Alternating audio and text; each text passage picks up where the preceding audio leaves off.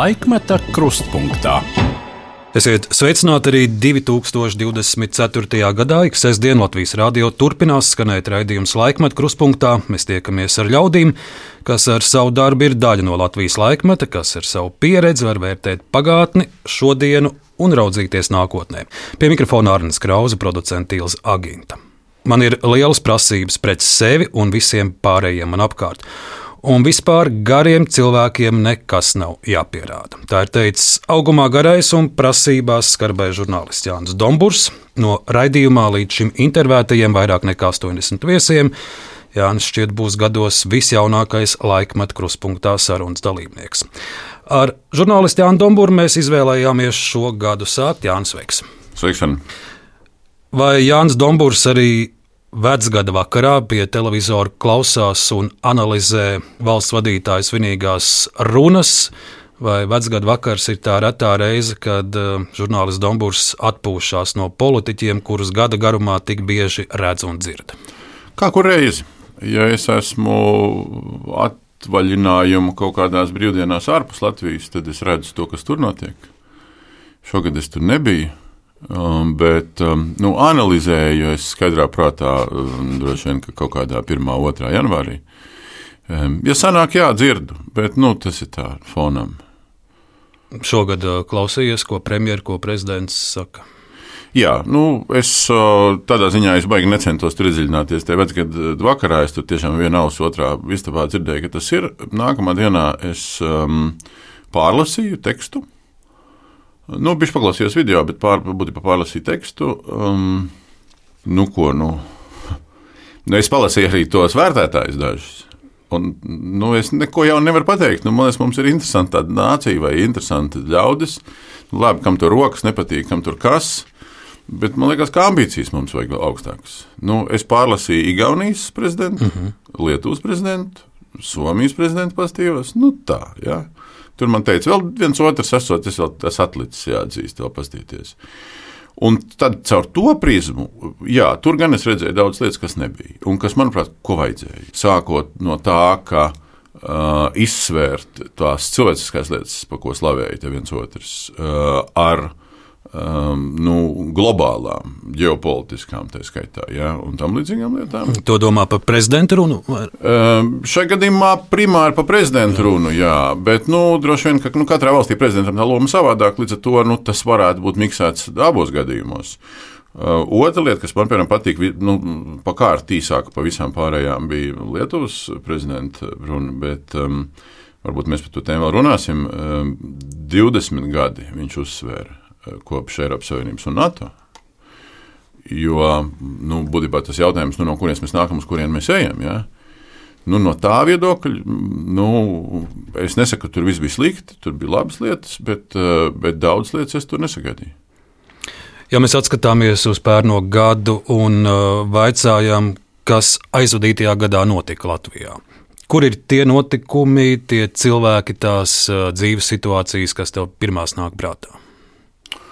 Oi, nu, es te varētu skaitīt, mēs pusi pus raidījumu runāt par kaut kādiem notikumiem. Es domāju, ka, ka man tomēr nāk prātā tēmas, caur kurām uh, tie notikumi nu, parādās pie tam notikumiem, kas ir bijuši, vai notikumiem, kas nav bijuši. Nu, es teiksim, divas lietas, ko es varbūt varu pieminēt, kas man bija tā atļauja pašreklāmu gadu tam um, kopsavilkam raidījumiem, ko mēs palaidām LSM. Uh, Nu, divas lietas, kas man likās uzmanības vērts par ukrāņu bēgļiem runājot.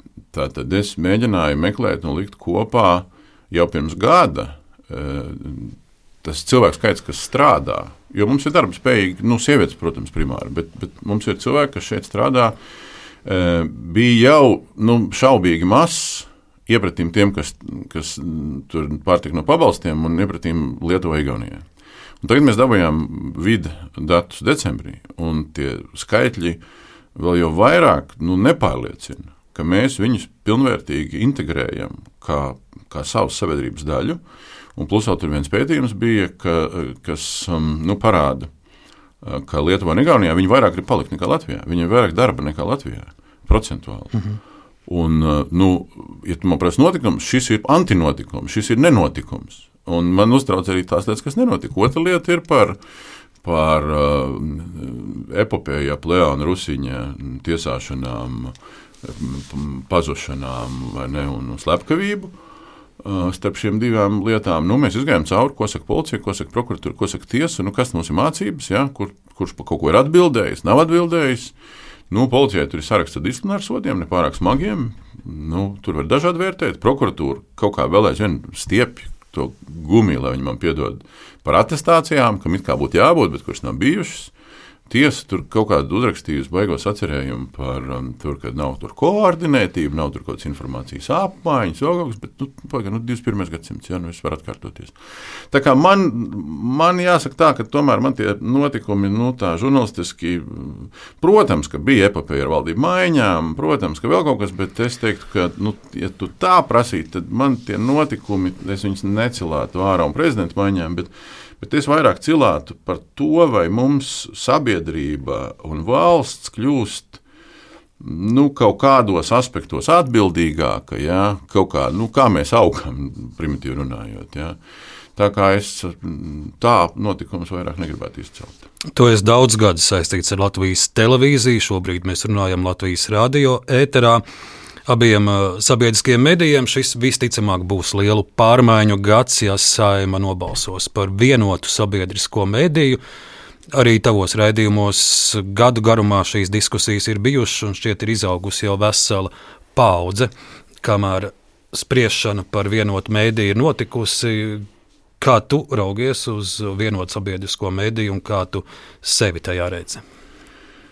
Es tur vairākas lietas ir. Es raugos uz viņu, un ne tikai raugos, bet es arī stāstīju um, cilvēkiem, kas tur ir iekšā, um, gada pirmā pusē, ka šo ideju ir un šo uzstādījumu daudz labāk jāpārdod. Šī vārda labā nozīmē. Jāpārdod sabiedrībā, Nu, vai to var pārdot politiķiem, vai tie ir tādi labi pircēji, tur varētu strīdēties. Ja? Bet, principā, eh, nu, nelatviski runājot, stakeholderiem, ja? un mēs visi esam stakeholderi mediju pasaulē 21. gadsimtā. Man liekas, ka ir daudz skaidrāk jāizstāsta, ka, ja runā par nacionālo kultūru, sākot no kultūras mantojuma, beidzot ar modernām lietām, sabiedriskie mēdī ir vajadzīgi. Tāpēc, ka tur tu vari izpausties, tur tu vari attīstīties, tur tev var daudz parādīt. Un, jā, ir, ir vajadzīgi iespējams daudz vairāk sabiedrisko mēdīju, daudz vairāk kanālu, jā, daudz vairāk platformu. Ja ir runa par nacionālo sportu, sabiedriskie mēdīji ir vajadzīgi. Jo nu, tas parādīšanas apjoms, un, un, un tā skaitā visādi pēctecība un tam līdzīgi. Un, un tā tālāk, tā tālāk. Visās nozarēs varētu iet, ja mēs runājam par nacionālo biznesu, ja mēs runājam par uh, nacionālo tiesiskumu. Nacionālais šajā gadījumā domāju nevis etniski, bet, bet valstiski. Ja? Viņi ir vajadzīgi kontekstā, nevis mēdīju priekš mēdījiem, bet mēdīju priekš visu nozaru uh, un valsts līdz ar to tādas balansētas attīst, uh, attīstības. Un es domāju, ka tur daudz kas ir neizdarīts. Un ņemot vērā, ka tur daudz kas ir neizdarīts, ir uh, pirmkārt liela nesapratne sabiedrībā.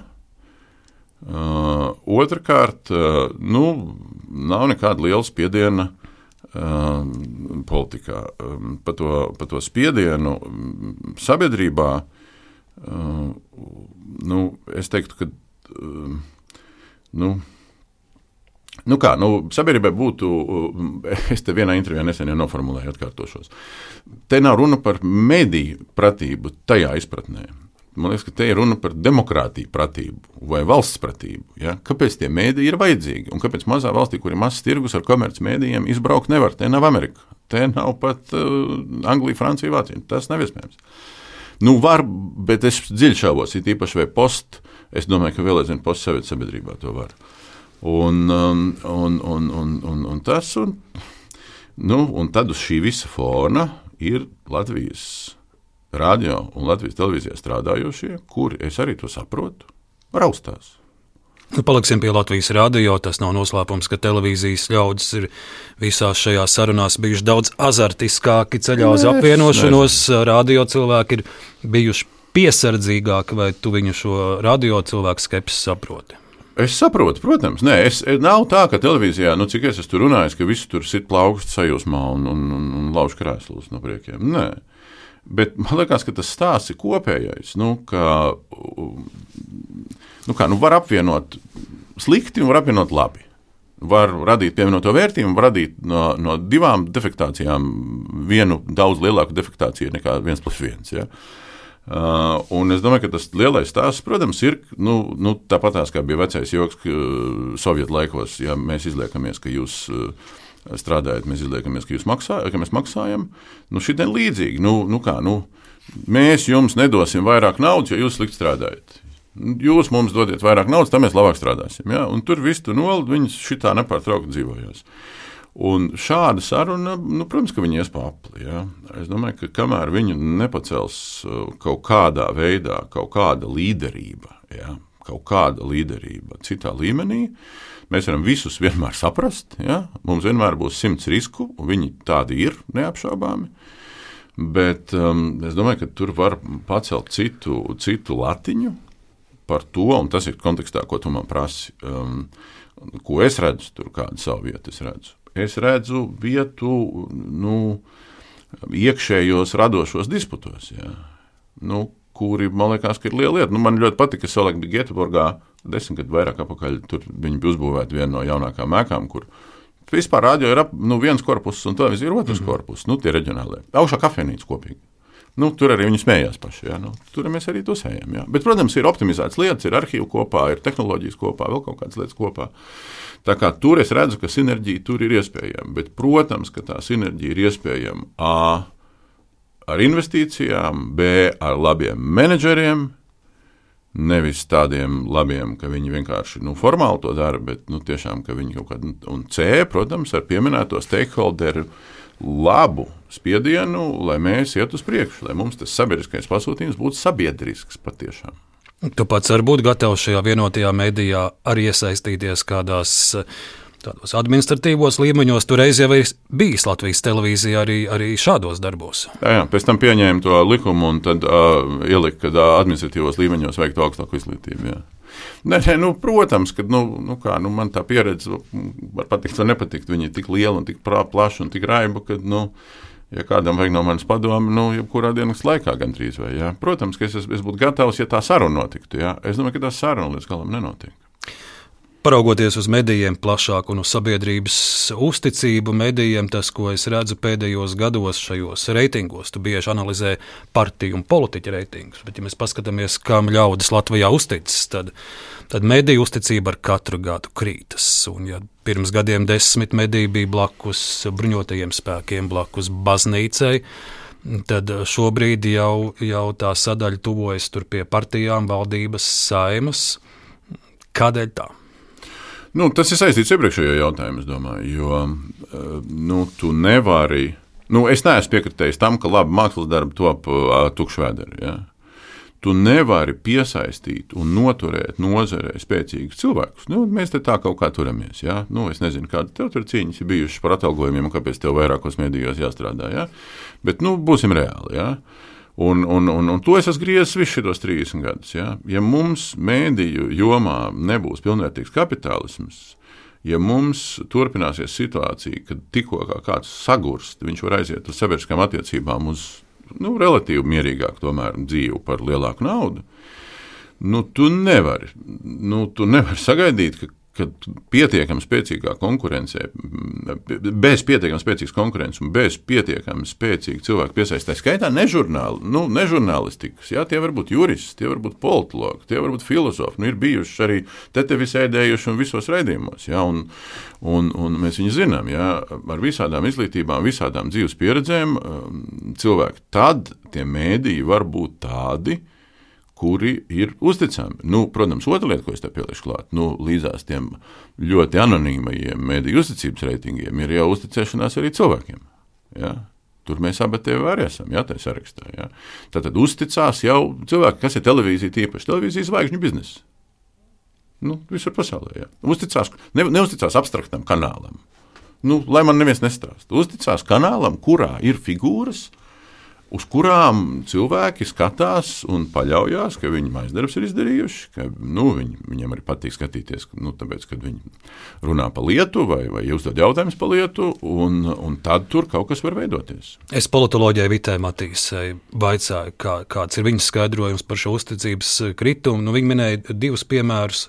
Viens ir, ka pēdējos gados politiķi tīpaši dažkārt izvēršot tādas pretkampaņas pret kādu mediju vai žurnālistu, ja nepatīk kādas publikācijas raksta. Un otrs ir, ka, ka varbūt dažkārt cilvēki īsti nenodala žurnālistu, kas uzdodas par žurnālistu, bet kurš ir ļoti attālu no, no profesionālajiem kritērijiem. Tagad jau sociālajos mēdījos ļoti daudzi no sevis tēlo vai rada iespēju, ka viņi ir žurnālisti, un tad cilvēkiem jūt, kurš ir, kurš nav. Bet tas ir tas, ko es saku iepriekš. Ja? Tas ir tā demokrātija pratība. Nu, tev jāsaprot vispār mēdīju funkcijas valsts. Nevis mēdīju pratība tur kā faktus tur mm. čekot, bet vispār kas tas ir. Nu, kāpēc viņš tāds izdomāts? Ja? Kāpēc tiesa ir izdomāta? Ja?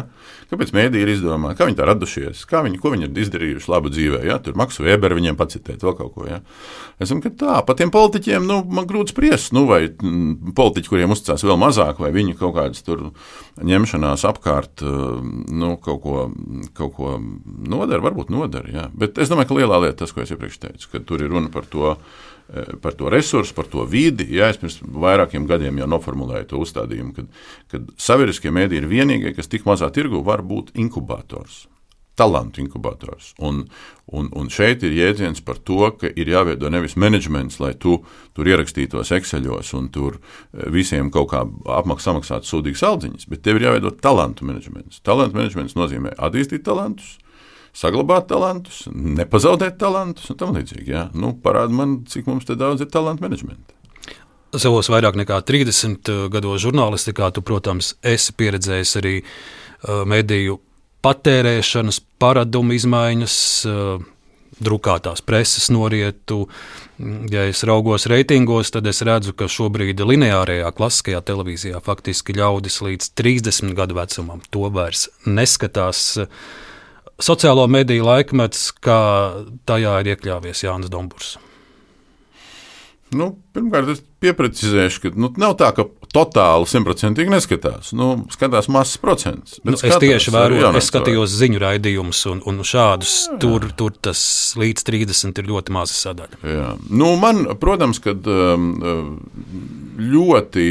Nu, ja mēs, okay, nu, sociālajie tīkli tik, tikko sākās iepriekšējā, um, tad, tad, kas notiek Latvijā kadencē, tas bija tur, nu, nulto gadu otrā pusē. Ja? Uh, pēc tam man tur viss tie kalniņi, kādi bija, tādi bija. Uh, man, protams, ļoti palīdzēja Delfi. Ja, Delfu, darbs Delfos, kuri visu savu darbu dara internetā un tīklos, nu, caur promotē. Ja. Um, protams, ka es domāju, ka es tur nu, man iekļāvu. Nevis es iekļāvos, bet man iekļāva veiksmīgi. Ja. Um, man, nu, es privāti uh, ar tiem kontiem baigi tur nekādas aktivitātes ar saviem, pāris kontiem divos tīklos, neko baigi neizvēršu. Jo es uzskatu, ka nu, nav obligāti jātaisa ar savu privāto. Nu, tu dari, piemēram, ja es, mm. es, mhm. es citādāk daru. Nu, raidījumam ir, ir konti, ja būtu vairāk cilvēku nodrošināti, varētu strādāt visos, visos tīklos, nav cilvēku resursu. Um, Man grūti pateikt, kā, kā es esmu iekļāvies. Ja? Man grūti pateikt, tik, tik kā tu esi. Nē, es neesmu ne tik tā kā, nu, restīvi, raidījums nav. Es gribētu, lai raidījums mm. būtu tik tā kā, lai raidījums būtu. Um, nu, ar Instagram storijiem. Es gribētu, lai raidījums būtu YouTube, ja, bet, ja tev ir, piedod, nu, man jāsaka skaļi, ir jā, jāizmanto iespēja. Nu, ja tev ir situācija, ka tev ir sākumā solīja, ka būs nodrošināti trīs cilvēki, producenti, redaktori, kas dara visu kaut ko, ja, ne tikai par saturu, bet ar šādām lietām. Un tagad tev ir divi, jā, nu, ir diezgan grūti visu to, visu to izdarīt. Bet gribētos, bez šaubām gribētos. Jā. Tā kā es esmu pasīvais, es esmu skatītājs, jā, es esmu vērotājs, es sekoju visam tam līdzi, kas tur notiek tajos tīklos. Vai es esmu iekļāvies tādā izpratnē, droši vien, ka nē, vai varētu vairāk jā. Vai galīgi, galīgi esmu nu, pa nulēm, nē. Nu, lūk, un te mēs ļoti plūstoši nonākam pie nākamā stāsta. Tu minēji tādus aizkuliskus no savas redakcijas darba. Es palūkojos Latvijas televīzijas panorāmas arhīvā, un tur ir vismaz desmit dažādas sižeti par Jāņa Dombūra nesaskaņām ar Latvijas televīzijas vadību, arī otrādi televīzijas vadības nesaskaņas ar Jāņa Dombūru. Nu, tu esi gadu garumā bijis tāds zaķu salas nemiera gars. Sāksim ar, ar, ar pirmo, kas ir arhīvā dokumentēts. Tas būs 1996. gada 1. septembra sižets panorāmā. Sižeta autora Dagnija Eimana te ir stāsts par to, ka sākas Latvijas televīzijas jaunā sezona, dažādi jauni raidījumi uzrādījās arī konkurenti. LNT sāk raidīt Latvijā televīzijas kanāls. Tas gan ir laiks, ka vēl nav raidījums, kas notiek Latvijā. Tas uh, sāk savu darbu 2001. gadā, bet uh, 96. gadā tu jau strādā Latvijas televīzijā, raidījums Spogulis un raidījums 90. Un, un šeit būs fiksēts pirmais vai viens no taviem pirmajiem konfliktiem ar televīzijas vadību. Mazu fragment paskatīsimies. Vispirms par jaunumiem, kas sagaida Latvijas televīzijas skatītājus. Kā uzsver televīzijas ģenerāldirektors Olofs Pulks, sākot ar septembri, televīzija piedāvās tik labu programmu, kāda tā nekad nesot bijusi visvairāk skatāmajos laikos ir visplašākajai auditorijai domātās pārraides. Tajā pašā laikā Otrajā kanālā var atrast arī kaut ko specifiskākām grupām, minoritātēm, bērniem. Mēs orientējamies uz to, ja ziņas, tad vislabākās, ja filmas, tad vislabākās. Tas arī ir galvenais, kas interesē ikvienu skatītāju - redzēt labu un kvalitatīvu programmu. Mazāk skatītājs interesē tas, kā tas viss top. Samērā nesen publiski savu neapmierinātību par darba apstākļiem televīzijā izteica žurnālists Jānis Dombūrs, kurš veidoja raidījumu 90. kas ieņēma augstu vietu skatītāju reitingā. Pašlaik Dombūrs ir brīdināts par atlaišanu no darba. Televīzijas vadība, teiksim, vairākus mēnešus pēc kārtas atkārto, ka vispār tā kā mēs kaut ko gatavojam, tā kā kaut kādas pārmaiņas kādreiz būs. Bet nu, pagaidām tas, tas tā nenotiek. Nu, tas man liekas arī nav normāli.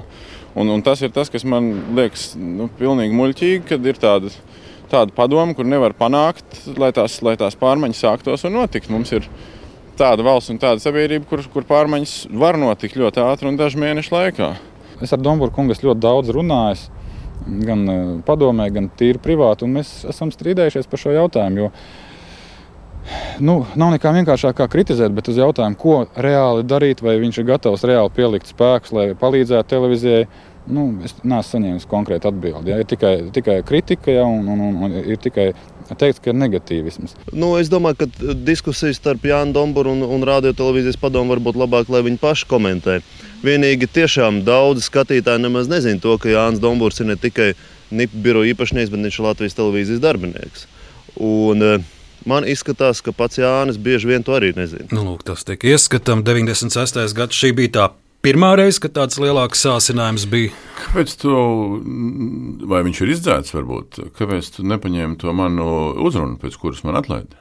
Es tiešām ieturā. Tā bija par tām televīzijas mašīnām? Protams. Nē, tas bija par visu. Par visu. Ah. Tas bija par visu. Tas bija 96. gada vasarā. Es tiešām ieturā. Uh, nu, raidījumu noslēdzot, pateicu par to, kā nu, tu esi pie manis savulaik strādājis. Tu zini, kā tas bija. Jā, jā, jā. Nu, ar kādām kamerām jās. Nu, kā, kā mēs no, no malas piefinansējot, ja, kā tapa raidījums 90. Un, un es to toreiz pateicu ēterā. Un pēc tam pēkšņi bija pulkam štāta samazināšana. Ja.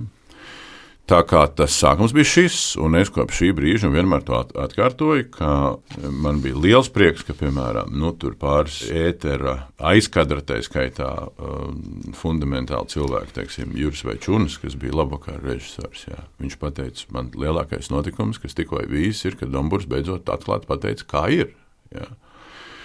Tā kā jā, jā, jā tas, šī tās jau ir kaut kāds viegls atskaņas. Bet bija jārunā, nu, bija viennozīmīgi jārunā, un uh, nu, redz, kā tas tie laiki mainījās. Jā, kuri pulks, jā, uh, nemēdījos. Jā, nu, Rolands Čārvilē viņam viegls smiltis uh, bija tas, kurš pēc tam, kad viņš kļuva pēc pulka televīzijas ģenerāldirektora. Jā, tad viņš mani, ar Ojā Rubeņa mm, starpniecību, nu, parakstīja izlīgumu pa visu to strīdu. Jā. Nu.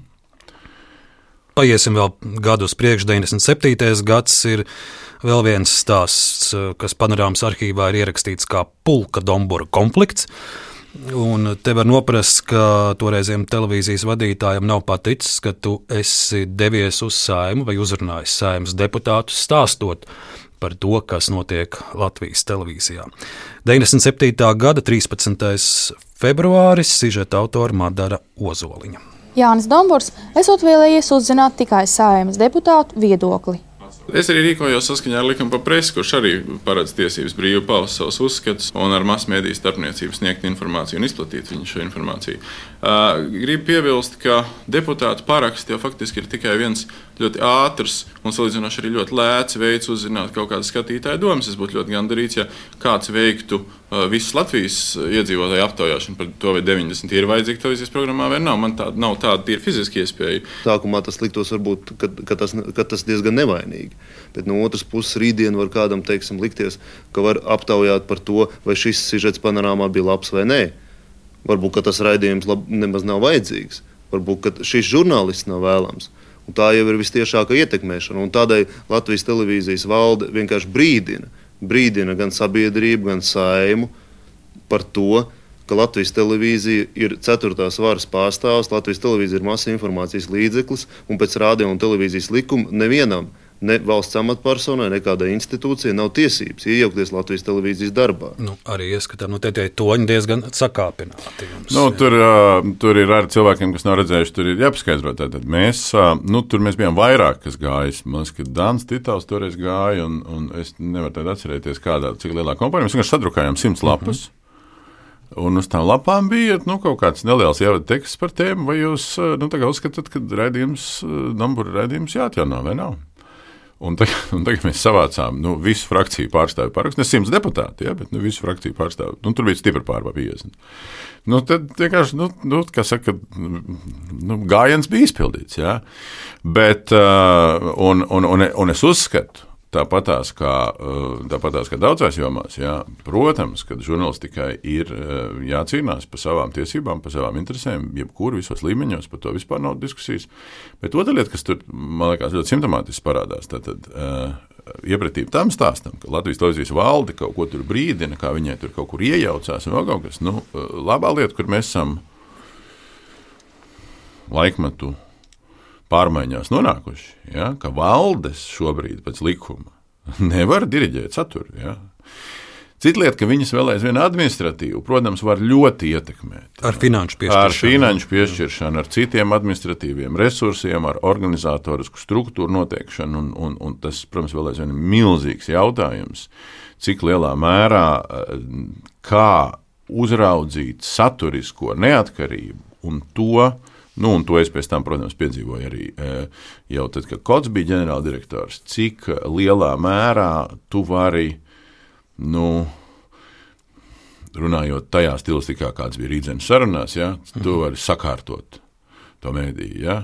Un tur nevajag tādas acīs durās e, kaut kādas šausmīgas cenzūras gadījumus. Ja. Tas viss ir rafinētāk. Tā kā jā, tā bija, tās bija mans pirmās pieredzes saulē. Nu, faktiski otrās, ja tā skatās. Tālāk būs viens stāsts no 2006. gada raidījumam, kas notiek Latvijā. Ēterā jau pieci gadi, un, un toreiz tā ir ļoti daudziem cilvēkiem tradīcija trešdienas vakaros pēc panorāmas būt pie televizora un skatīties šo diskusiju. Bet 2006. gada vasarā izskan jautājums, vai kas notiek Latvijā rudenī atgriezīsies Latvijas televīzijas ēterā, un Jānis Dombūrs saka, ka Viņam prognozes par raidījumu nākotni ir diezgan skeptiskas. Tolaik televīzija vadīja Jānis Holsteins, un, protams, atkal diskusija ir par budžetu un naudu raidījumu veidošanai.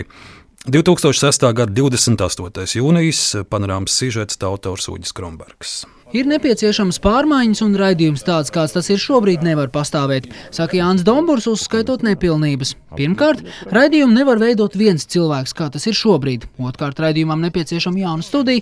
Treškārt, jāveido ciešāka saite ar skatītāju, izmantojot internetu iespējas. Un vēl virkne citu lietu, taču gaidītās diskusijas ar Latvijas televīzijas vadību par to, kā un par cik iespējams uzlabot, izpalikušas. Manuprāt, tas ir ceļš uz nekurieni.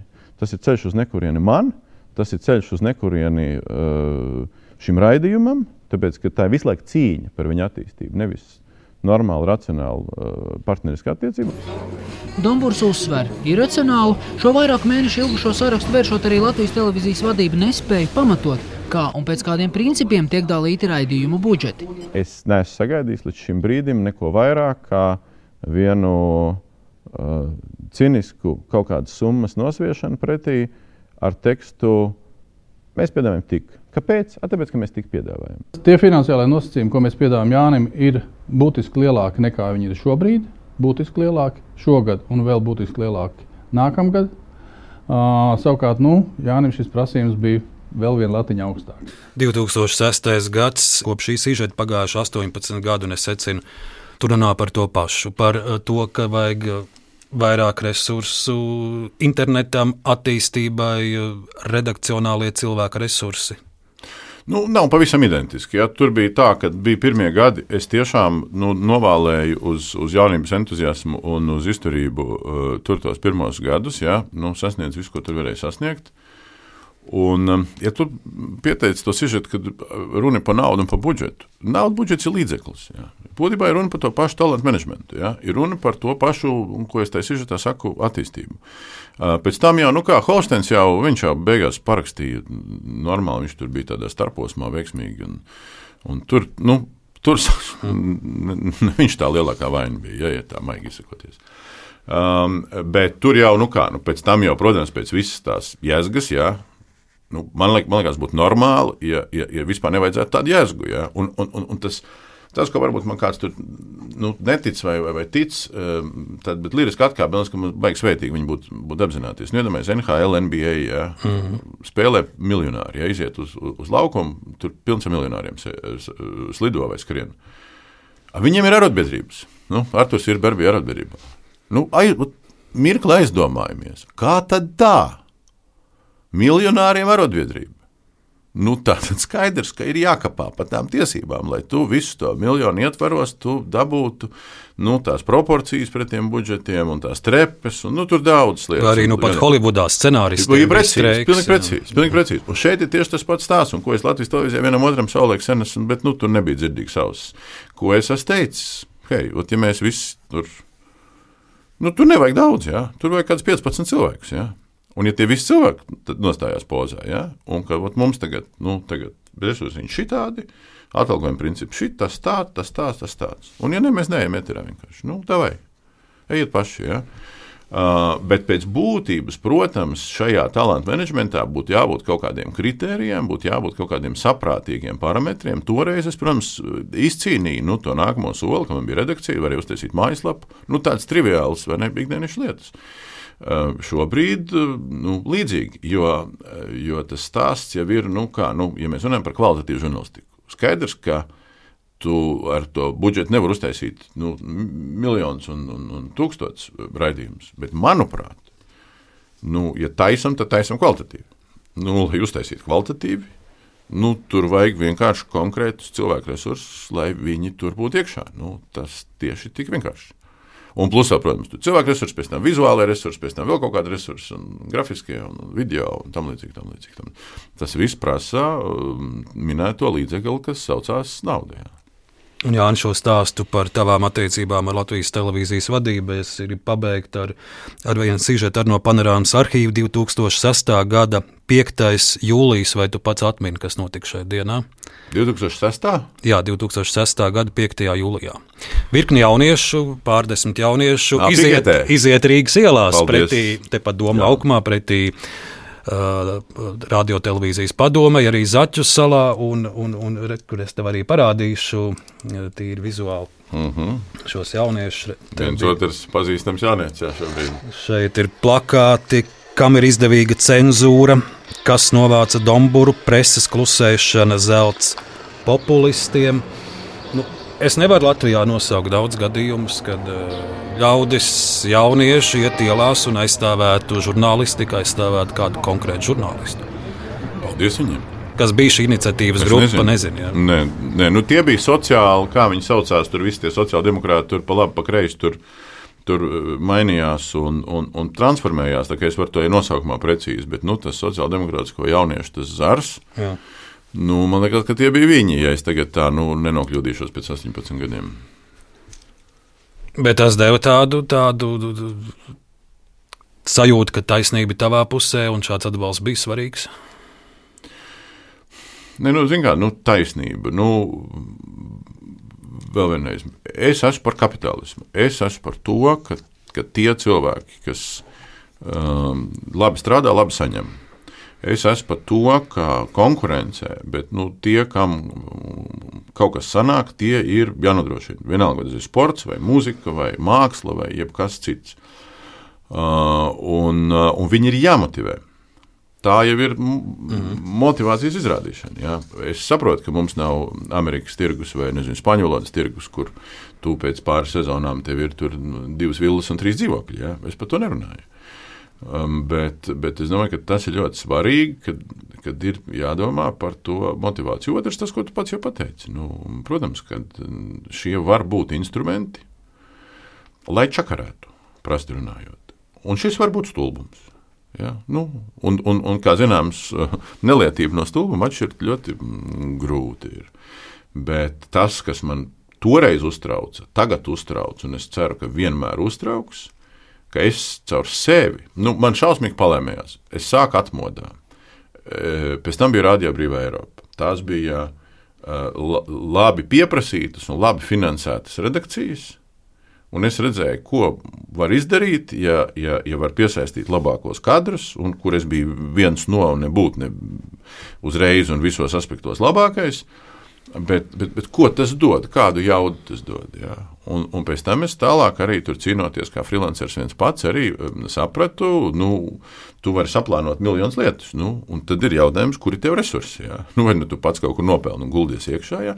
vai nu kāds pārdala uh, tautas naudu. Tāpēc es atgriežos pie tā stakeholder stāsta. Tāpēc es atgriežos pie tā stāsta, vai mums vajag šobrīd, vai mums šī gada budžetā vajadzēja dalīt visiem turīgajiem arī 50 miljonu sadalas tīklu um, piefinansēšanai tarifu pieaugumam. Vai, bet vai varbūt mums vajadzēja tur miljonus onkoloģijas slimniekiem, tur miljonus, nu, tur arī varbūt vēl tos miljonus uh, arī mediju attīstībai, piemēram.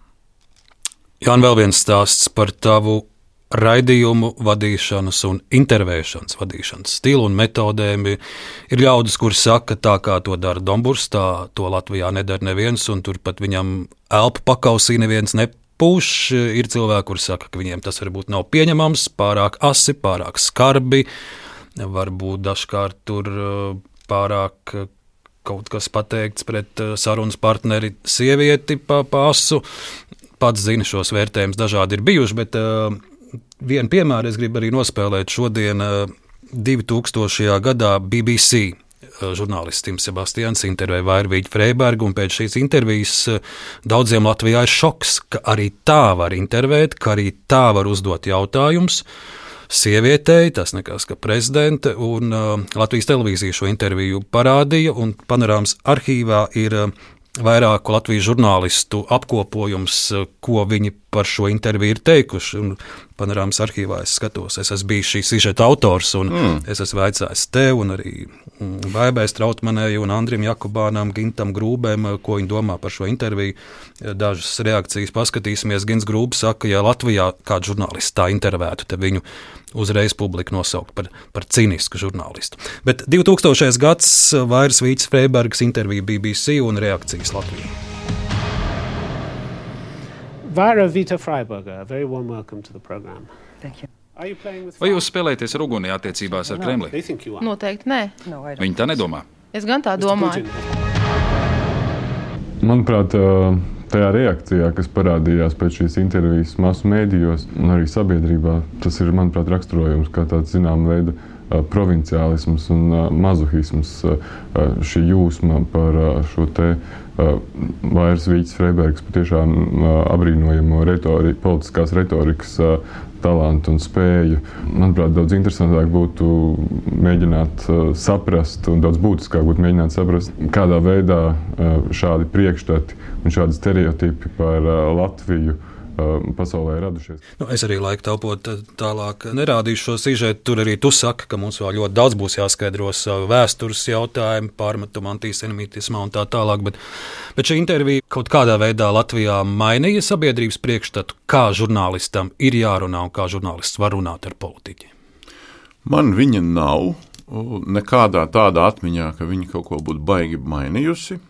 Bet um, man, uh, nu, saistībā ar to, ko tu teici uh, par to, kā es ko daru vai nedaru, man liekas ļoti svarīgi tomēr nodalīt uh, formu un saturu un nelikt sa formu augstāk par saturu. Jo, jo viss tas, ko es studijā esmu darījis un daru, uh, tajā tur toņi un mm -hmm. intonācijas un vēl kaut kas. Nu, tur tomēr ir liela daļa formas. Jautājums ir, kādu saturu es to, uz to sarunu, uz to diskusiju atnācis. Ja? Un, uh, es domāju, ka tas ir galvenais atskaites punkts man. Es domāju, ka nu, jau tomēr nu, pietiekami daudziem cilvēkiem, kas zina, ka es nu, zina, kā un zina, kā es gatavojos raidījumiem.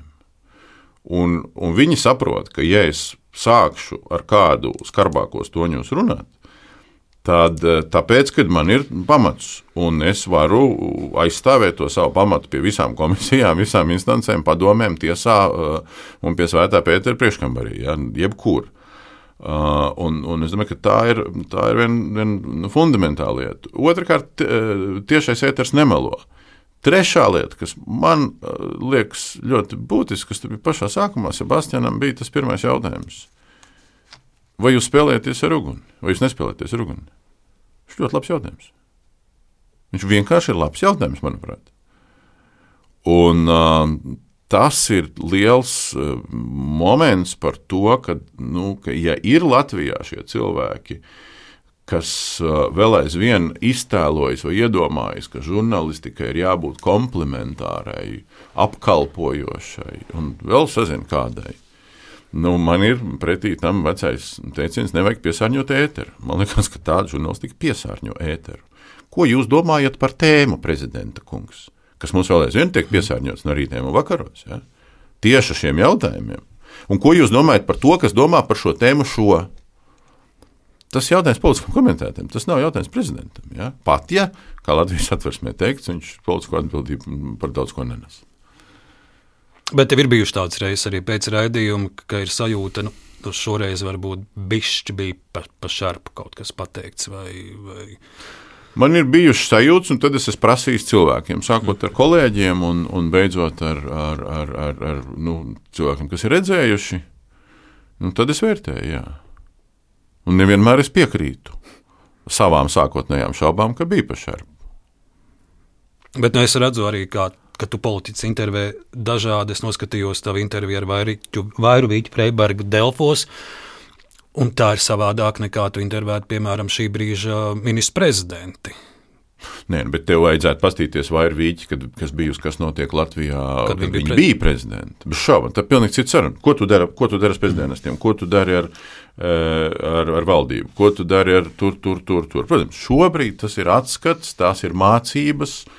Tas ir pilnīgi cits lietas. Jā, absolūti. Tajā mirklī viņi, protams, ir pilnīgi citā statusā. Un es arī, es arī, arī studijā, nu, izņemot, ja tās ir kaut kādas sabiedriskas organizācijas vai akadēmiskas cilvēki, kuri kaut kādas nu, ļoti strīdīgas lietas izdarījuši vai pateikuši, bet es jau pret viņiem arī nu, neprasu šo atbildības līmeni, jo, protams, ka politiķi ir pakļauti citai kritikas pakāpei un atbildīgam pakāpei. Jānis Sarunas turpinājumā es vēlos atskaņot arī dažus fragmentus no raidījuma, kas notiek Latvijā uh, gadu garumā. Un, un viena intervija, ar kuru es vēlos sākt, uh, tas ir 2010. gads. Tev studijā ir Andris Čēle. Viņš atkal ir nolēmis atgriezties politikā. Un pirms mēs runājam par Andriu Čēlu un, un šo interviju, mazs fragments no tās. 8. gada rudenī kongresā piedalījāties, Jā. runājāt, Jā. kritizējāt un neko nedarījāt vairāk. Kāpēc jūs neatgriezāties tad? Vai tā nav jūsu lielākā kļūda, ka jūs jau nākat par vēlu? Es pieņemu šo pārmetumu. Un jūs jau esat atnācis par vēlu. Es nedomāju, ka es esmu atnācis par vēlu, tādēļ, ka Latvijas dzīve nebeidzās ne šogad, ne nākošais gads. Es esmu atnācis, lai Latvijas valsts kļūtu atkal par vienu no izcilākajām mazajām ekonomikām. Kāda viņa bija Andris Čēlis premjerēšanas laikos? Jā, tāda, kāda viņa manos premjerēšanas laikos bija. Jēdziens valsts nozagšana Pasaules bankas pētījumos radās tieši tad, kad kulminēja jūsu premjerēšana. Un tas attiecās tieši uz to laiku, kad jūs bijāt pie varas. Tas ir teiciens ļoti tēlēns, ļoti, ļoti Viņš kvēls. Ļoti konkrēts Pasaules bankas speciālistu, analītiķu formulējums. Tātad, ja State tiek... capture saucās jā, angliski. Tātad, ja valsts finanses tiek savestas kārtībā, ja valsts budžeta tiek atstāta ar pārpalikumiem, par tādām valstīm es neesmu dzirdējis, ka tiek pateikts, ka valsts ir nozagta tajā laikā bija valsts nozagšana. Es nevaru jums piekrist. Tautas partija 97. gadā nāca ar uzstādījumu, ka astoņos gados, tas ir drusku ilgāk, jūs aizgājāt no uh, politikas, no saimnes ātrāk. Astoņos gados par galveno mērķi uzstāda, ka divi vecāki spēs pilnvērtīgi izskolot un izaudzināt trīs bērnus. Tautas partija nav sasniegusi savu galveno mērķi. Nav sasniegusi. Tu vēlākais intervijās teici, ka pie šī raidījuma, pie šīs sarunas tu gatavojies īpaši, un toreiz tava 20 gadu pieredze žurnālistikā ir lieti noderējusi. Kā tu atceries šo sarunu ar Andriu Čēlu? Tā ir bijusi tev studijā pa šiem gadiem tāda viena no, viņš ir bijis viens no cietākajiem rīkstiem, kas tev priekšā ir sēdējis. Nu, es zinu tos rīkstus un kaut kādu rīku sišanas tā baigi tur neranžēju. Es ranžēju varbūt kaut ko citu. Un tas ir, tas ir pēc tam līdzīgi, teiksim, Delfos, kur bija intervija ar Lembergu pirms pašvaldību vēlēšanām 17. gadā. Un vēl, kad ir tādi brīži, bet tas nav tikai sarunāties ar politiķiem. Es atceros, kad bija ugunsgrēks tajā pansionātā um, vairākus gadus iepriekš pirms šitā. Tagad tas pats brusiņš, uh, vai ne, sāga un slepkavība un tā advokāti. Nu, ir no tāda smaguma viedokļa, ir viss kaut nu, tur tā nevar vispār mērīt tās pilnīgi dažādas lietas. Un, un, bet, bet stāsts nav par to. Stāsts ir par to, ka ir kaut kādi mirkļi, ka tu saproti, ka tu uh, taisi diskusiju, tāpēc, ka ir jāuztais viņa diskusija par, par, par konkrēto momentu, nu, kuram ir nu, gada konteksts, jo es vienmēr sev atbildu uz jautājumu, nu, tagad nākamā nedēļa, nu, taisīsim redzējumu. Un tas jautājums fonā ir, nu, vai tiešām mums ir jēga nu, starp dažiem desmitiem raidījumu gadu laikā taisīt par šo, uztaisīt atsevišķu raidījumu. Ja? Uh, kad ir tādi, kur taisa, un ir tādi, kuri nu, vismaz potenciāli var būt kaut kāds laikmetu, es spēlēšos ap šo nosaukumu, ja?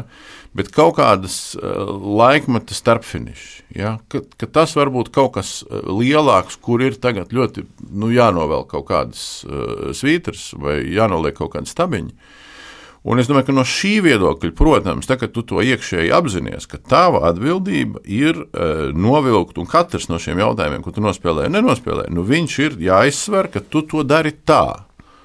Un pēc tam ir taktikas jautājums, kā tu sāci interviju, kā tu viņu turpini. Jā, nu, šeit arī bija tur bija nianses, ja, kuras es varbūt tur laika ekonomijas dēļ neteikšu, bet nu, bija par to, kā, ar ko tu sāc, ar ko tu, ar ko tu ej tālāk un kā nu, tu pamaini. Šī intervija ar Andriu Čēli droši vien ar uh, jaunākai paudzē, nākamajiem vēsturniekiem būs labs materiāls, lai, lai izprastu, kas notika Latvijas politikā, kā tika vadīta valsts 90. beigas un, un 2000. gadi. Oi, nu viņiem vajadzētu stipri vairāk nekā šo interviju tur izrakt. Viņiem vajadzētu ļoti daudz ko izdarīt. Viņiem vajadzētu Ceturtajā republikas filmu noskatīties, uiti, ko viņiem vajadzētu izdarīt. Jā. Jo, jo, jo publiskos avotos jau vēl aizvien nevēlna nav. Lai saprastu, Bet tā, ka tu skaties publiskos mm -hmm. avotus, un tur ir izstāstīts, ja mums nav pietiekami spēcīgu memoāru un, un, un tam līdzīgu atmiņu, kas to atklā, atklātu tiešām kā bija. Andris Čēlis loma Latvijas politikā un tajā, kāda Latvija ir šodien nu, atkal, ja mēs sāksim tur vienu vai otru vai trešo uzvārdu, tad mēs te līdz naktī. Um, nu, es teiktu, ka loma ir tiem cilvēkiem, kas toreiz kļuva par līderiem un, un, un, un sēdēja uz tiem diviem krēsliem. Un tas ir gan Andris, vai, vai ja, ja nesēdēja uz formāliem krēsliem, tad vienalga spēlēja spēles divos dažādos laukumos.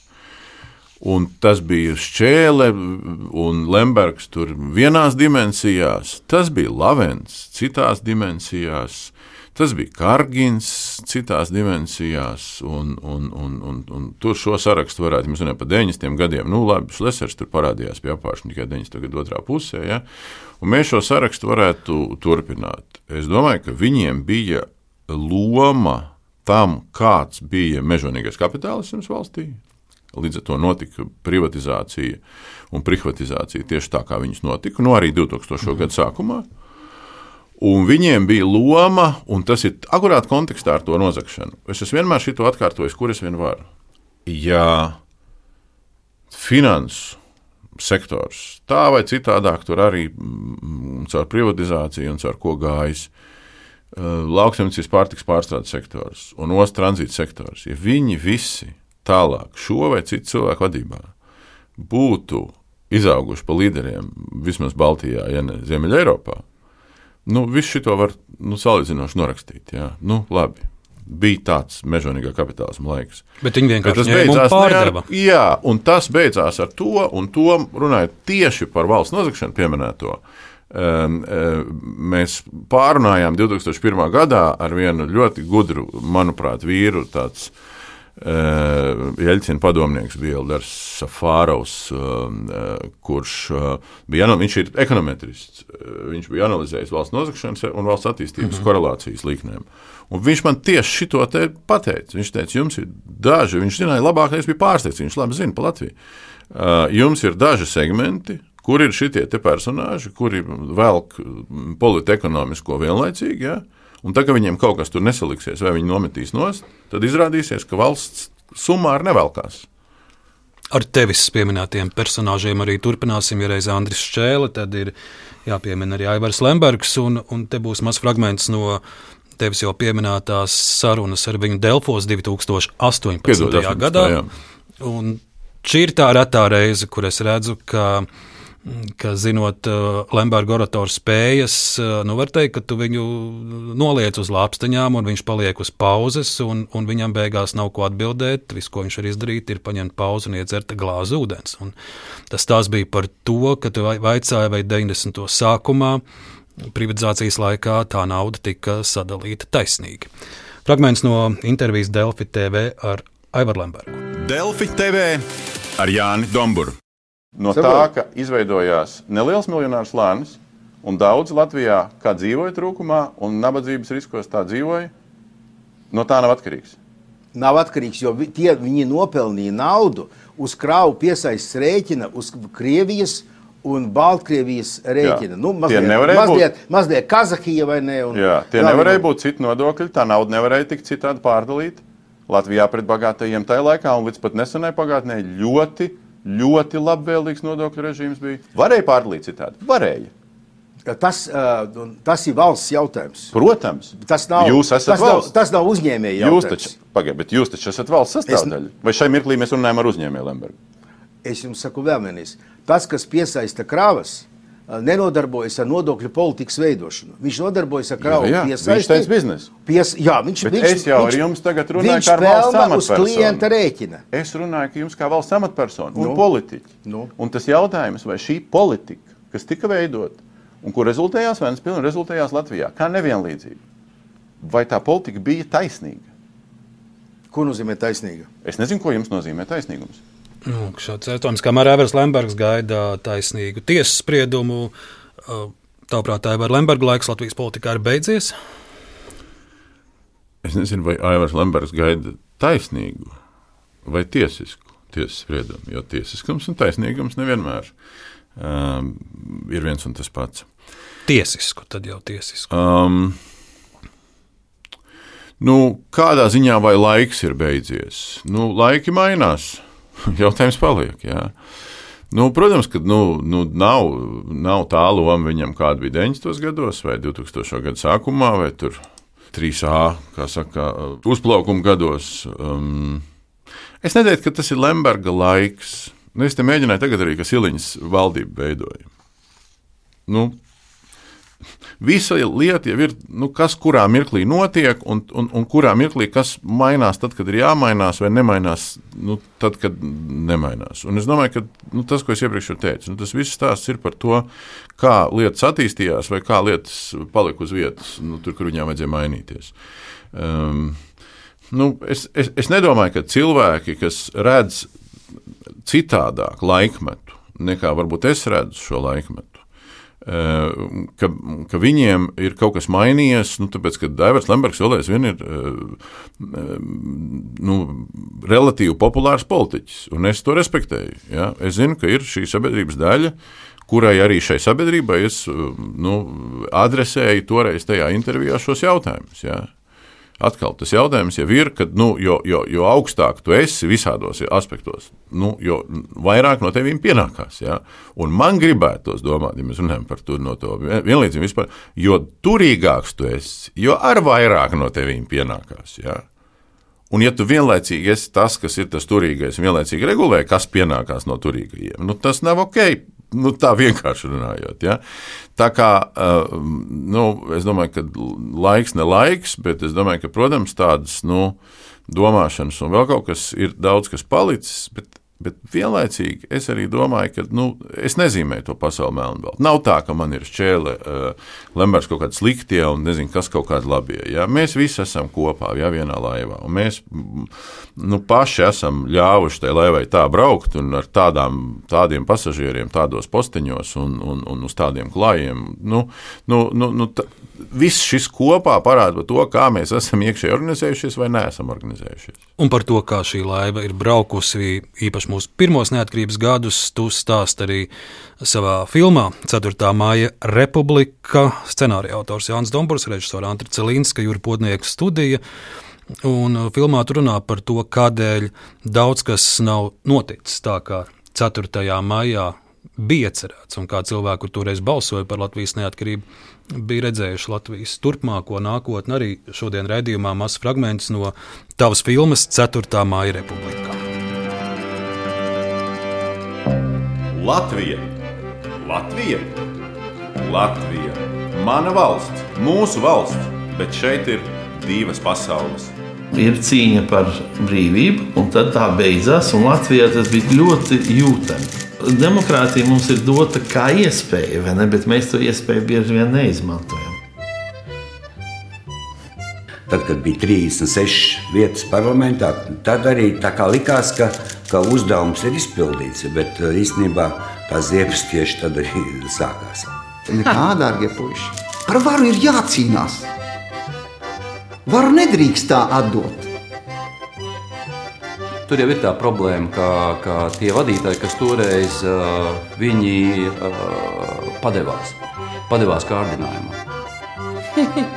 to jau nevar noliekt, ka tur bija tīri personīgi arī interesēti. Kāds būs likums, ko katrs nu, nu, dabūs no tā atpakaļ nevarēja to neredzēt. Nu, te mēs dzirdam arī bijušo valsts prezidentu Andriu Bērziņu. Tas pats filmas ievads toreiz stāstot par šo filmu, kad tā tika publikai demonstrēta, teica, ka viena no idejām bija parādīt, kas ir noticis šajos neatkarības pirmajos gados, lai turpmāk mēs uz tiem grābekļiem vairs neuzkāptu.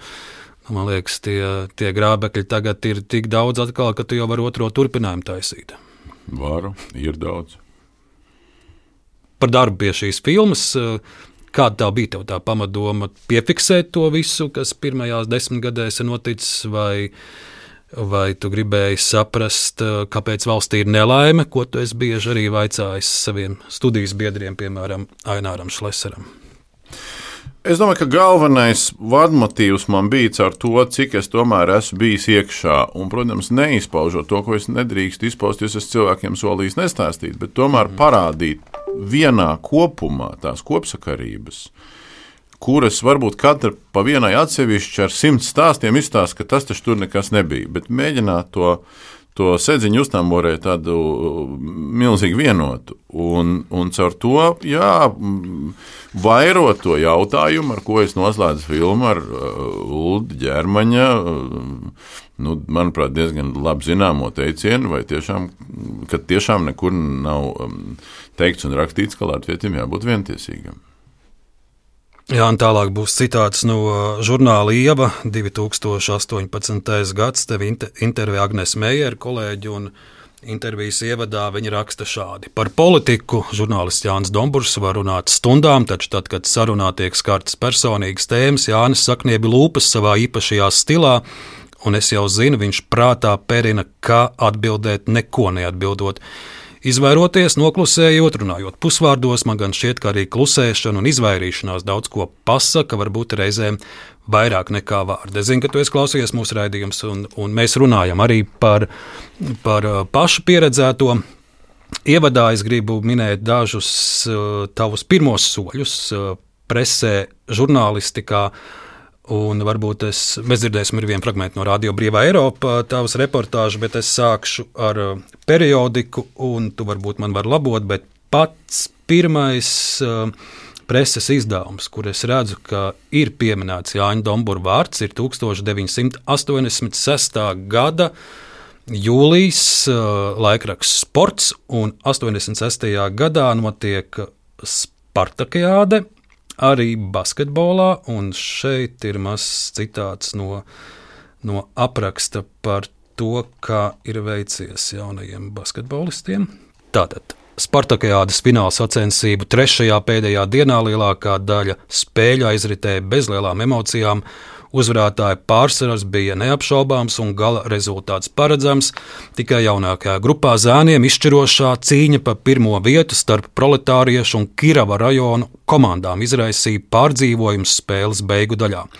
Pirmo puslaiku proletāriešu rajona VF zēne nobeidza ar negaidīt lielu starpību, 39 pret 20 savā labā. Un te ir arī statistika par spēlētājiem zēna grupā, proletāriešu rajons, treneris Možēks un spēlētāji Valēko, Černaks, Baļulis, Bukovskis, Eglīts, Puriņš, Jānis Domburs. Mhm.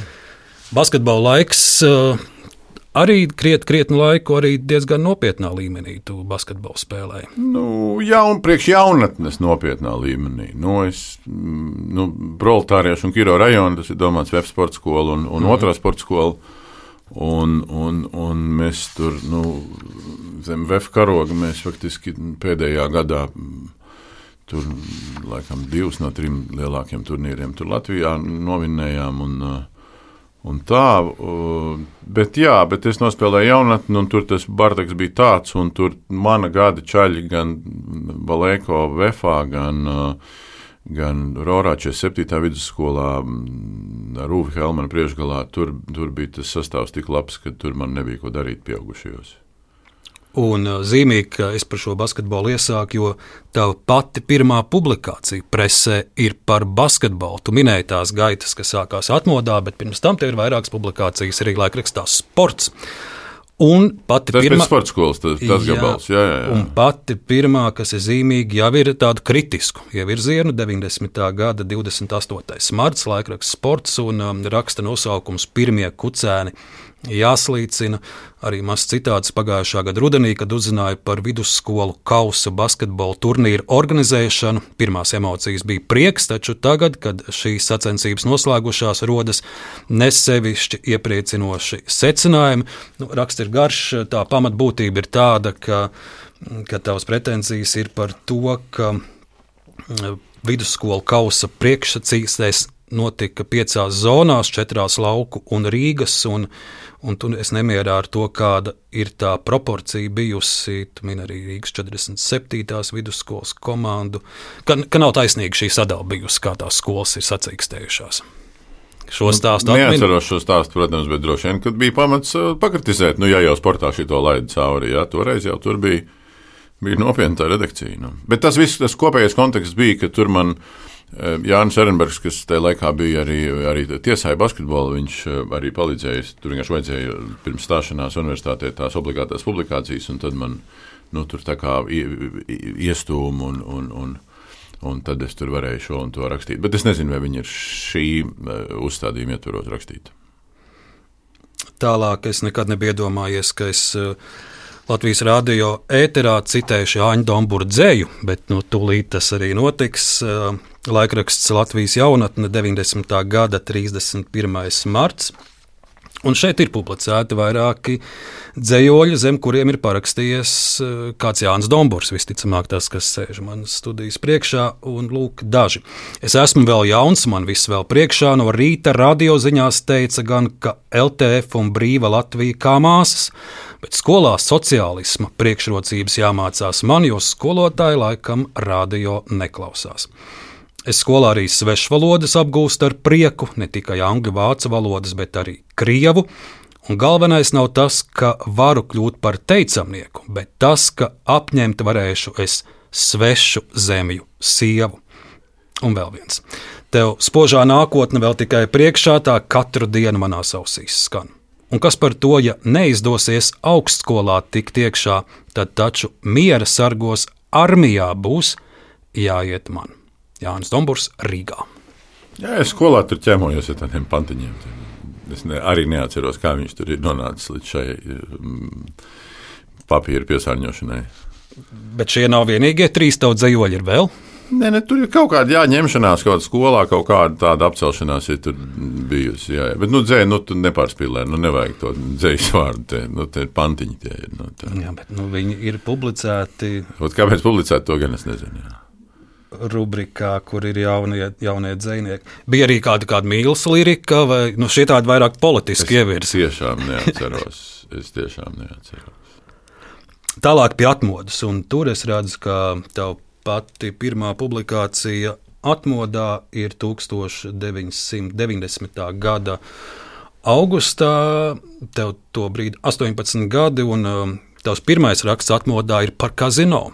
Ir atvērties kazino Rīga, un daudziem tas ir kas jauns, spēļu zāles. Un, un, un tavs pirmais apraksts atmodā ir par to, kas notiek kazino un kā tiek spēlēts Kurš kazino. Kurš ir augusta? 90. gada 14. augusts. Nu, tur jāskatās, vai tas bija akurāti pirmais. Man liekas, ka tur varētu būt šis tas vēl pirms tam. Jo pēc tam tev sako, protams, gan, gan stāsts par mācītāju, kas mistiski akmentiņu, akmentiņu nu, kur bija aizdomas, konkrēti, aizdomas par viņu saistību ar VDK. Ne tikai aizdomas, jā. Mm. Bet arī liecinieku teiktais un, un, un, un daudzas arī, arī krimināla stāsta, bet, bet šis Nu, viens no viņš varēja būt. Jā, es mīglēju atceros, jā, ka viņš tur, tu, viņu vēra vaļā tur, jā, vecrīgā. Uh, Kinoarchīvā es redzēju kino žurnāls Gaismēnas, un tur uh, titros arī es redzu, ka vairākiem kino žurnāliem 90. gadu trauksmaino notikumu laikā ir uh, rakstīts, ka teksta autors Jānis Domburs. Jā, Arnēs Akmeņlauks bija, bija režisors, jā, un es tur tiku arī tā iesaistīts. Nu, Droši vien, ka taisā kontekstā, kad es ap tiem visiem kriminālajiem un omonu un, un, un, un tām lietām ņēmos, jā, ka tas varēja būt kontekstā, jā. Mazs fragments no šī žurnāla gaismēnes. 1991. gads Rīgas dokumentālo filmu studija. Šos piecus brīvprātīgo vienību kārtības sargus Melnās Beretes sagūstīja naktī no 19. uz 20. janvāri. Tagad viņi atkal ir savu kuplo ģimeņu lokā. Starp citu, visiem pieciem kopā ir 12 bērni. Taču pirms atgriezties mājās, pieci latviešu vīri uz trim nedēļām bija kļuvuši par Latvijas brīvības ienaidnieku ķilniekiem. Un viņiem burtiski savus ādus bija jāizcieš naids pret nepiekāpīgajiem latviešiem. Kad pēc notikušā bija pagājis jau ilgāks laiks, ar tiem trijiem, kas jau atgriežušies mājās, mēģinājām atsaukt atmiņā notikumus naktī no 19. uz 20. janvāri.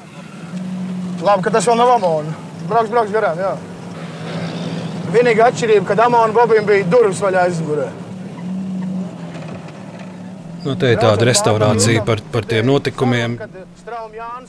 Tu esi dzīves tajā brīdī, kad uh, visus šos pārmaiņu notikumus tu jau varbūt pat vēl biji skolā, vidusskolas pēdējā gada, bet uh, tev par viņiem nav jālasa memoāros vai vēstures grāmatās. Tu viņus redzēji savām acīm. Daudz ko. Ja? Nu, acīm ne acīm, jo, zin, kā, ja tu trenējies nopietni, tad tu, protams, tur baigi apkārt pa citiem pasākumiem nesteigā.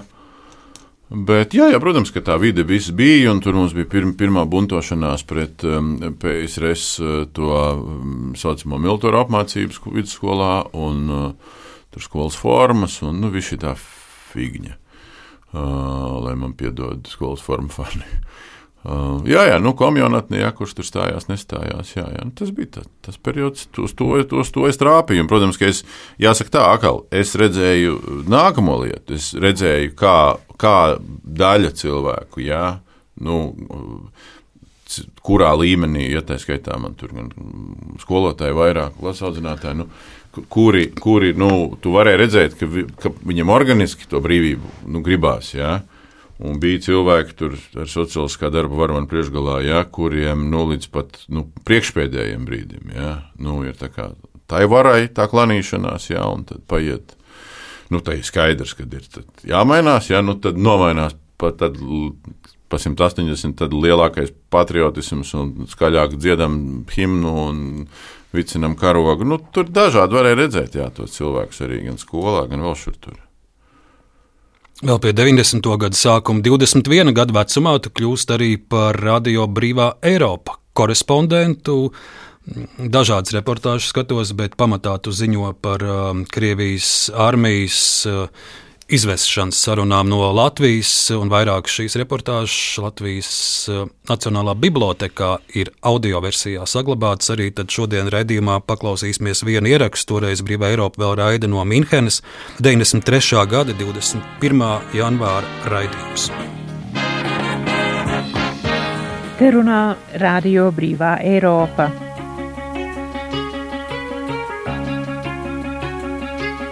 Ēterā Latviešu redakcijas programma, kas veltīta notikumiem Baltijas valstīs, Igaunijā, Latvijā un Lietuvā.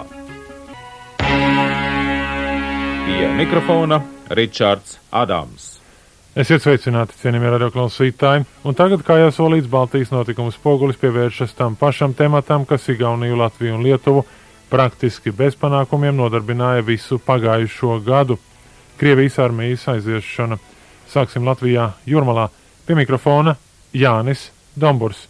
Šonadēļ notikušais Latvijas-Krievijas sarunu rauns atkal beidzies bez rezultāta, jo trīs sīki specifisku nolīgumu parafēšana un divas vienošanās izglītības jomā starp valsts sarunu līmenī diezin vai augstu vērtējamas, kamēr nav nekādas virzības galvenajā līguma izstrādāšanā par Krievijas armijas tiesisko statusu Latvijā un kamēr nav panākta vienošanās par karaspēka izvešanas termiņu. Tomēr vakar pēc sarunu preses konferencē Krievijas delegācijas vadītājs Sergejs Zotovs nekaunējās pārliecinoši, pat piesaucot starptautisko tiesību dokumentus, klāstīt tēzes, kuru patiesīgumu nav atzinuši arī starptautiskie eksperti. Preses konferencē, kur piedalījās abu valstu delegāciju vadītāji, lielāko laika daļu žurnālistu apgaismošanai, pateicoties gan aktivitātei, gan nekaunībai, aizņēma Zotova runas plūdi. Turpinot pēdējā Jeļcina paziņojuma tradīcijas par cilvēktiesību pārkāpšanu, par krievisku runājošo aizstāvību. 93. gads Radio Brīvā Eiropa, es Jāna Radio Brīvā Eiropa nokļuvu 95. gadā, pusgadu biju toreiz jau, kad radio strādāju Prāgā, un man tā bija ļoti liela skola redzēt, kā strādā viens, viens moderns, viens rietumu medijs. Tava nokļūšana Brīvā Eiropā un, un tava pieredze, jo, jo arī šodien raidījumā tu atsaucies uz, uz šo savu epizodu arī. Ko deva tev šis, šī iespēja arī brīvā Eiropā būt? Nu, elpu.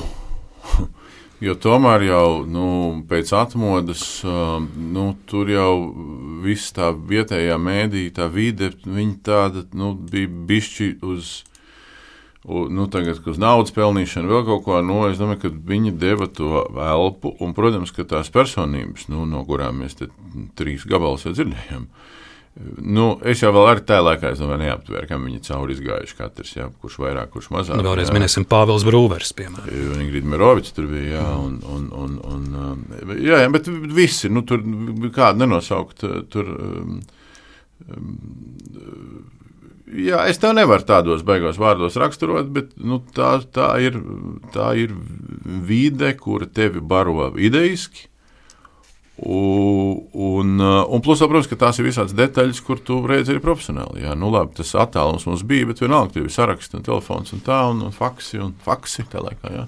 Piemēram, kultūras ziņas veidoja Mārcis Čaklais. Čaklais jā. jā, jā, nu, tur bija vispār tas, tā plējāda, tur bija mm, fantastiski, jā. Un man paveicās, nu, ko es varu teikt. Jā, mūsu raidījumā, ja tu viņas klausījies, ir arī sadaļa par dzimtas rakstiem, par radu rakstiem, cik daudz pats to es pētījis savus radu rakstus. Pētījis ne cik man ir nonākuši kaut kādi koki, eh, zāri, kaut kādi jau citu pētīti, bet es neaizraujos ar šo visu. Ir ļaudis, kuri saka, ka, ka viņu šobrīd neinteresē, bet tad kaut kādā vecumam pienākot, viņi sāk šķetināt atpakaļ, no kurienes mans uzvārds un kas tur, kur dzīvojuši. Tev tas šobrīd nav interesējis. Vai? Nē, nu es kaut ko zinu, kaut ko droši vien noskaidrot nevaru, kaut ko es gribētu. Es domāju, ka liela daļa nē, jo tur ir visādas peripētīs, kuras es arī neredzu par vajadzīgu, baigi pētīt. Es, ir pietiek laiks, kam veltīt.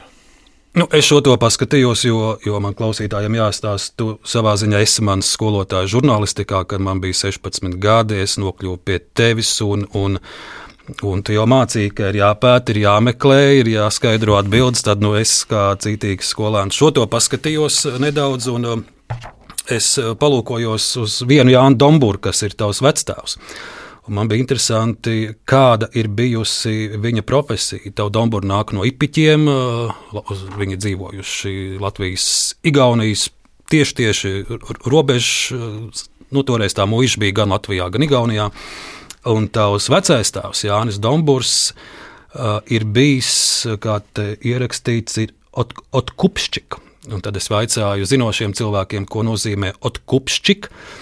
Tas esot toreiz bijis uh, cilvēks, kurš pārpērk no kāda parādus, nodokļu parādus. Nu, es nezinu, mūsdienās tas varētu būt kāds administrators vai kas, bet, bet Jānis Dombūrs, tavs vecstāvs, ir bijis lūk, šāds uh, nodokļu parādu pārpircējs. Nu, tu, tu šobrīd runā par tik ļoti citu laikmetu, cik var būt uh, cits, tāpēc, ka nu, man tur vēsturiski dēļ tēva gadiem, man, uh, man nākot pasaulē, tur uh, es uh, uz apakaļ tur nevienu nesmu ne, ne, ne saticis, nekā citādāk. Līdz ar to iespējams, ka tā bija, iespējams, ka nē, nezinu. Nu, Tava dzimta patiesi ir diezgan pamatīgi izpētīta. Tev kādreiz, kad būs interese un laiks, būtu arī interesanti papētīt, piemēram, kā tavā dzimtā ir tāda uzvārda arī kā Šlesers redzami, un, piemēram, Enziņš un citi, bet, bet to, ko es redzēju, jā, viens atzars tev nāk no ķoņu pagasta, kas arī piegaunijas robežu mūsdienās Rūjens novads, un, un, un tie paši tālākie senči tev ir no 1736. gada, tāds Jānis Melders, un arī no 1742. gada Ādams Anzaks, eh, viena daļa tev senču eh, ar uzvārdu Lāni nāk no Tartu puses, ir dzīvojuši Igaunijā, un, un tev ir ļoti daudz radu arī šodien Igaunijā. Varbūt tu varbūt kādi ar tevi sazinājušies, ja varbūt arī viņi nezina, ka tāds slavens radinieks viņiem Latvijā ir žurnālists. Tur ir viens tu, atzars. Bet tu tikai pat tēlīnī skaties, vai ne? Kas interesanti. Jā. Tā kā tur vajag izbalansēt tos pētījumus. Nu, tur ir stāsts par to, ka es pārraku un izmalu visas tavas intervijas, un tev ir gadu garumā izdevies ieturēt līniju, ka ka viss, ko tu par savu mammu pasaki, viņa ir keramiķe, un tas ir zināms, mm. bet es cik no resursos mēģināju atrast, es neko, neko nevarēju atrast. Bet uh, runājot par tavu tēvu, uh, viņš ir dzimis 1905. gadā, cik es saprotu no tā, ko es redzu uh, dokumentos. Daļa viņa ģimenes pārceļās uz Igauniju, bet daļa pārceļās uz Krieviju. Tavs tēvs Alfrēds Dombūrs, kas ir dzimis 1905. gadā, dzīvo, mācās Ļeņingradā. 30. gados viņš arī beidz Ļeņingradā augstskolu, un tavs tēvs Latvijā atgriežas 40. gadā pēc okupācijas. Un, Tas, ko raksta tā laika prese, padomju Latvija 40. gada septembrī, viņš tiek nozīmēts par virskomisāru, kur uzdevums ir nacionalizēt rūpnīcas. Cik Tev, protams, nav ne, ne jāskaidro, ne, ne, ne jātaisnojas vai kāda citādi par, par, par savu tēvu un, un, un viņa likteni, bet uh, cik tu esi mēģinājis saprast, kā tā ģimene vai dzimta nokļuva Krievijā, kāpēc viņa Ulmaņa laikos neatgriezās Latvijā, kā viņš kļuva uh, Staļina laikā par Latvijas valdības uh, rūpniecības ministru, cik tu par to esi ko, ko mēģinājis saprast nu, vai pētīt? Jāsaka, to, ka nu, man viņš nomira, kad man bija astoņi gadi. Zato man nu, pie labākās gribas nav bijis iespēja neko paprasīt, un neko saprast un neko uzzināt. Uh, un, uh, es zinu faktus, bet uh, nu, ņemot vērā kaut kādas nu, nianses, ko es te negribu izvērst mm -hmm. par, par attiecībām ar attiecīgo radu uh, saimju vai atzaru. Es ne, neesmu mēģinājis. Es domāju, ka tas ir ļoti interesants stāsts, tāds raksturojošs, ja, kā cilvēki nu, pa tiem laikiem starp kariem un pēckariem, kā viņi ko darīja, un kurš ko izvēlējās vai kurš ko neizvēlējās. Um, Un, un, un, um, nu, tur ir varbūt kaut kādas tālākas lietas, kā arī tas viss, tas, tā, tā viņam tā karjera nonāk līdz manīm, ja, tur caur, caur karjeru līdz manīm arī nonāk. Ja? Tā Bet ir rūpnī- nē. rūpnīca daļrade, ja? Uh, jā, vai mm -hmm. jā nu, sākumā viņi saucās suvenīrs, un tad pēc tam tā ir daļrade. Jā. Tur viņš bija mūža nogalē direktors. Jā, saprotu. jā, bet, uh, nē, bet es neesmu. Man sakrīt nervā tas, ka tev pieminētā ir rādā brīvā Eiropā. Um, tad bija kaut kādi personāļi, kas, tad, kad es taisīju tos sižetus, kas rakstīja uz Minheni. Par to, ka kā jūs vispār laižiet uh, Dombūru ēterā, viņam tēvs komunists. Un tas man vienmēr ir izmācījis, un to es arī cenšos skatoties uz citiem, uh, ka bērni pa vecāku grēkiem neatbild. Pat ja ir grēki, jā, nu, um, Tā Bet kā... ir bijis tā, ka tev kāds to, to tā kā pārmetis vai tā kā. Jā, jā, jā, jā, jā, jā, jā. Ne, nu, pat pilnīgi nu, tā, ka es neatceros, vai tās bija anonīmas vai neanonīmas vēstules, jā, bet tas bija reāli. Nu, kad nelaižiet viņu ēterā, viņš taču ir sarkanais. Jā. Tā kā es zinu šos faktus, un vēl virkni citus faktus, kas tur ir bijuši, uh, nu, jā, tā ir tā laika nomenklatūras karjera. Um, es nezinu to starpkaru stāstu, īpaši tā ir tāda vēsture. Bet es ļoti ceru, ka tur ir bijuši daudz labu gēni, kurus daļu es esmu vismaz ieguvis. Nu, Igaunijas gēni tev ir pavisam noteikti. Tur ir veci, veci, veci vectēvi un vecmāmas ir, ir, ir, ir Igaunijas arī tev bijuši. Jā, bet par to Domburu līniju tur tiešām var arī redzēt, ka Ka tie līkloči bijuši. Jo... Bet tie līkloči vēl vairāk tur ir interesanti, ka tur bija tur māsas un, un, un brāļi. Un, un, un, teiksim, ja tu skatīsies, ir tāds ļaus Domburs. Bija, jā, un jā, viņš vēlāk bija memoriālā. Jā. Profesors, un viņš izveidoja Rīgā jā, memoriālu un jā, mēģināja dokumentēt paldies. visus Staļina represiju Precīzi. upurus. Un Sibīrijā uz kartes atzīmē tās vietas, kur latvieši ir. ir, ir izcietuši sodu un, un, un, un daudz gadus pavadījuši represijās. Precīzi, un, un jau Domburu es atceros, un mm. viņš man, nu, vai tur bija kaut kā tur tas formālais status, tur krustēvs, ne krustēvs, bet ja viņu es fiziski atceros, un, uh, un līdz ar to tur visa tā, um, tā Dombura tā saima ļoti dažāda, ļoti dažāda. Kas man bija interesanti secināt, ka Latvijā Dombūra tomēr ir diezgan daudz pēc uzvārda, un viņi gandrīz visi savā starpā ir radinieki, jo viņi visi nāk no, no Latvijas-Igaunijas pierobežas, no Ipiķa puses. Bet, nu, jā, tev, kad būs vairāk laiks, bet tā tev nekad nav un nebūs. Tev, Tev būtu interesanti tos zarus izpētīt, jo tu tiešām vari atrast uh, savus vecās mātes un vecstāvus. Un ne, ne, ne daudziem tāda iespēja ir, jo nav saglabājušies šie baznīcas grāmatas un mūža revīzijas desmitajā pakāpē. Tev ir atrodams vecmātes un vecie tēvi. Jā, nu vēl sarunas noskaņā. Tā kā mēs esam Latvijas radio ēterā, vienu ierakstu šodien izmantošu arī no Latvijas radio fonotēkas. Tas būs 2000 sestā gada ieraksts. Un, tā kā tu esi mācījies arī muzikas skolā un uh, grupa Pērkons. Tev ir īpaši mīļa, un uh, Juris Kulakovs, viņa daļai, tu esi novērtējis, tad, uh, lai skan Māra Melgāva un Jūra Kulakova pie baltas lapas Jāņa Dombura izpildījumā.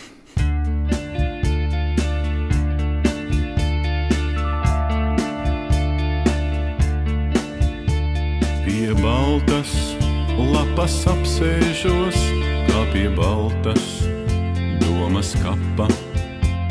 Un kas pažēlos reiz tos, kas viens otru nesastapa? Un kas būs tik drosmīgs pateikt, ka nav vainojams neviens, kas būs tik drosmīgs pateikt, ka nav vainojams neviens. Šodien mums visvairāk stāsta lietu slāpes pieskāriens, un man pietrūkst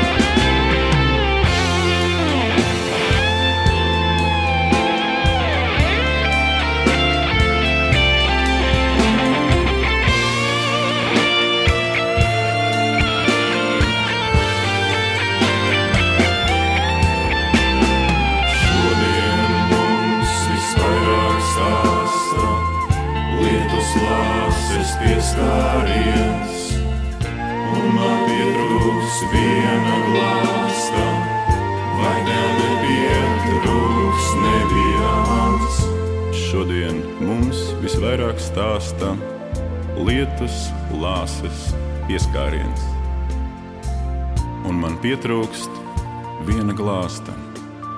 Vai tev nepietrūks neviens?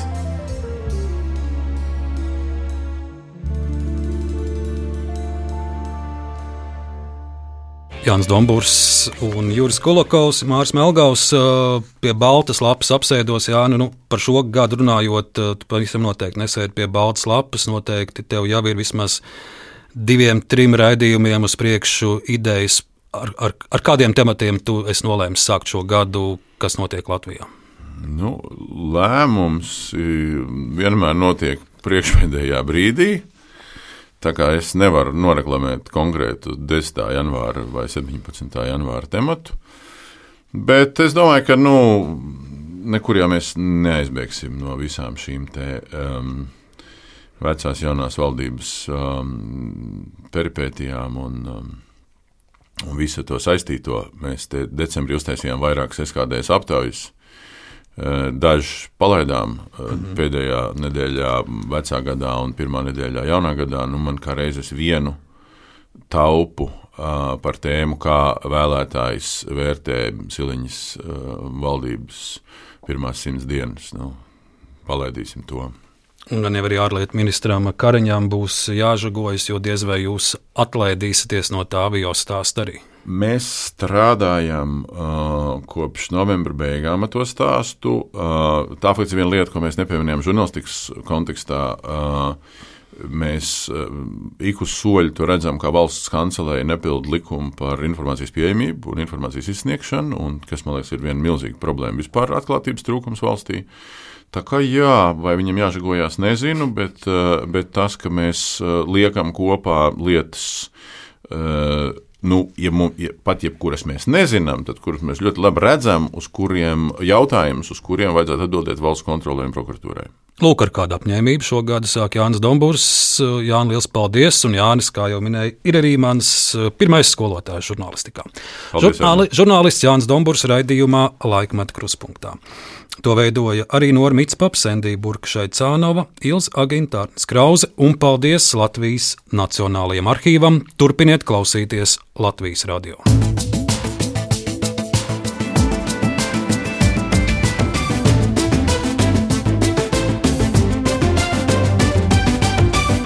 Laikmeta krustpunktā.